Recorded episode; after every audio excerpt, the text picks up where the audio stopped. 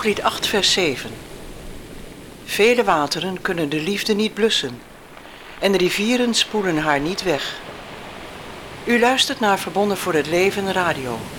Een eenvoudige bijbelstudie over het huwelijk, zoals God het bedoeld heeft. Samenstelling en presentatie Willem en Helen Lingeman.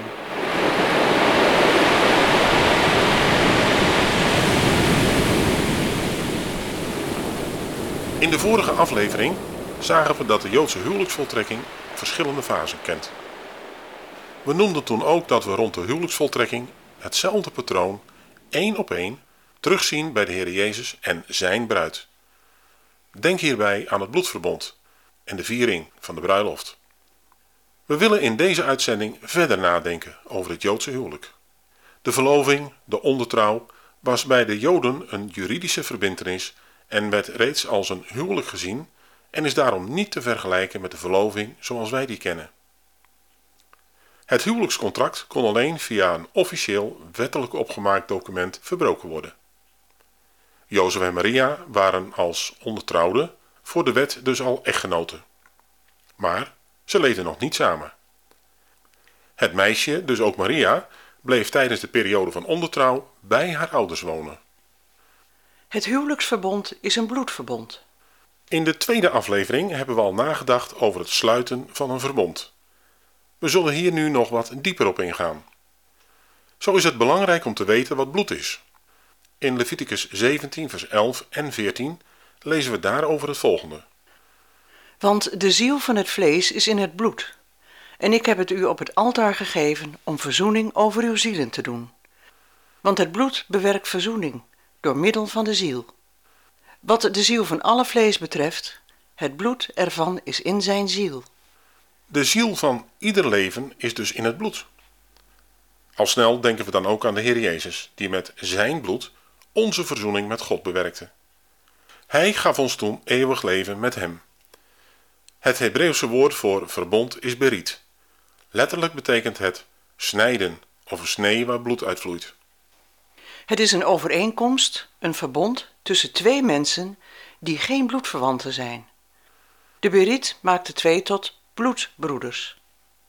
Met het sluiten van de berit stopt de officiële liefdesverhouding en wordt deze omgezet in een rechtsverhouding. In een berit worden beloften gedaan en verplichtingen aangegaan. Men roept God aan als getuige. Er wordt dus een eed gezworen. En er worden dieren geofferd. Er moest bloed vloeien. Het doel van een berit was om door het sluiten van een overeenkomst een verbinding aan te gaan zonder ontsnappingsclausule. De twee partijen verplichten zichzelf om ten allen tijde loyaal en trouw aan elkaar te zijn. Ze beloofden voor elkaar te zorgen, elkaar te beschermen en zolang ze leefden er voor elkaar te zijn.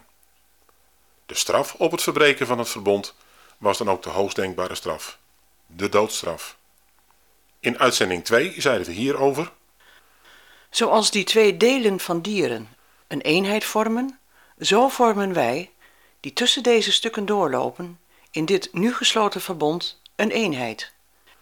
Wie zich niet houdt aan deze overeenkomst, hem zal het vergaan als deze dode dieren. In Deuteronomium 22, vers 14b, 20 en 21 lezen we hoe belangrijk het vloeien van bloed was tijdens de eerste keer dat man en vrouw lichamelijke gemeenschap hadden. Deze vrouw heb ik gehuwd, maar bij de echtelijke gemeenschap bevond ik dat zij geen maagd was. Maar indien deze beschuldiging waar is en de maagdelijkheid bij het meisje niet gevonden is, dan zal men het meisje voor de ingang van het huis van haar vader brengen. En de mannen van haar stad zullen haar stenigen, zodat zij sterft, omdat zij een schandaad in Israël gepleegd heeft, door in het huis van haar vader ontucht te bedrijven. Zo zult gij het kwaad uit uw midden wegdoen. Als er geen bloed vloeide bij de eerste keer dat bruidegom en bruid gemeenschap hadden, werd dat als bewijs gezien dat het meisje geen maagd meer was. Door de rechters werd in zo'n situatie onmiddellijk de doodstraf uitgesproken. Waarom? Omdat vastgesteld was dat zij geen maagd meer was. Daarom kon ze ook niet meer deelnemen aan de laatste fase van het huwelijksverbond, namelijk het samenwonen en de geslachtsgemeenschap. Ze had de regels overtreden en dat kwaad moest uit het midden van Israël worden weggedaan. Bloed was dus een essentieel onderdeel van het definitief bevestigen van het verbond tussen man en vrouw. Zo is ook de viering van het avondmaal een voortdurende herinnering aan ons verbond met de Heer Jezus. Het werk van God om twee mensen één te maken door de geslachtsdaad is een deel van het mysterie van het eenvlees worden, waarover we in Efeze 5, vers 31 en 32 lezen. Daarom zal een man zijn vader en zijn moeder verlaten en zijn vrouw aanhangen, en die twee zullen tot één vlees zijn. Deze verborgenheid is groot, maar ik doel op Christus en op de gemeente. Het huwelijk tussen man en vrouw is een weerspiegeling van de liefdesverhouding tussen de Heer Jezus en zijn gemeente. De apostel gebruikt het huwelijksmodel als voorbeeld en legt het op Christus in zijn relatie tot de gemeente. Hierover lezen we in 1 Corinthians 11, vers 25. Evenzo ook de drinkbeker na de maaltijd. En hij zei: Deze drinkbeker is het nieuwe verbond in mijn bloed. Doe dit, zo dikwijls u die drinkt, tot mijn gedachtenis. De Heere Jezus kocht en betaalde zijn bruid met zijn bloed.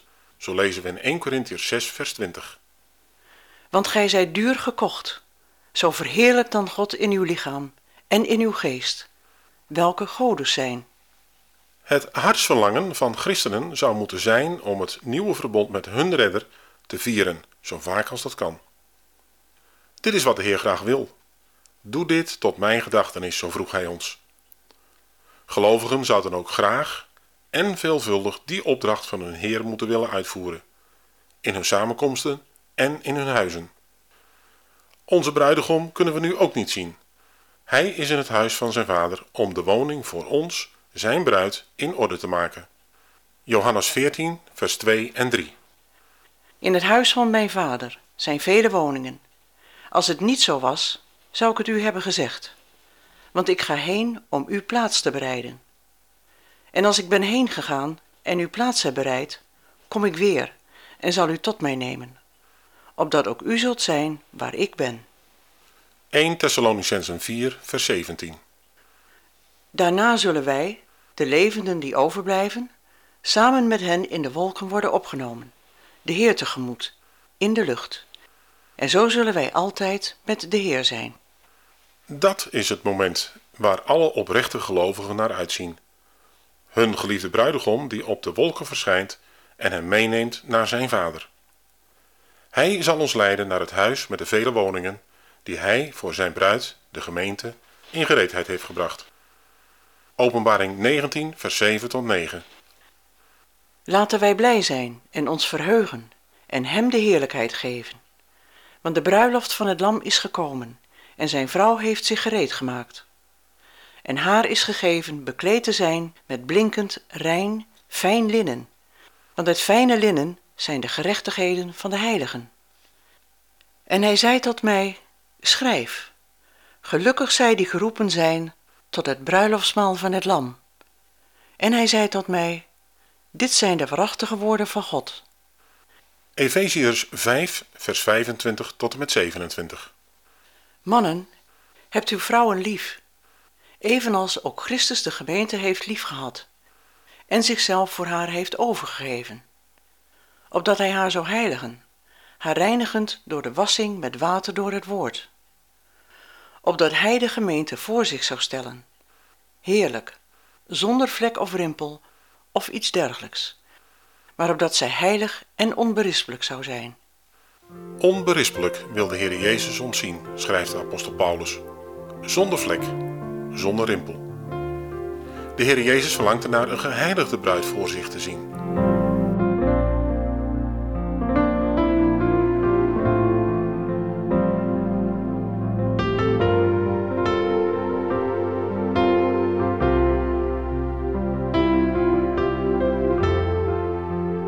Spreuken 3, vers 3. Dat liefde en trouw u niet verlaten. Bind ze om uw hals, schrijf ze op de tafel van uw hart. U heeft geluisterd naar Verbonden voor het Leven Radio. Samenstelling en presentatie Willem en Helen Lingeman. Heeft u vragen naar aanleiding van deze uitzending? dan kunt u contact opnemen via het reactieformulier op onze website www.verbondenvoorhetleven.nl of www.unitedforlife.eu. Zo de Heere wil graag tot de volgende keer.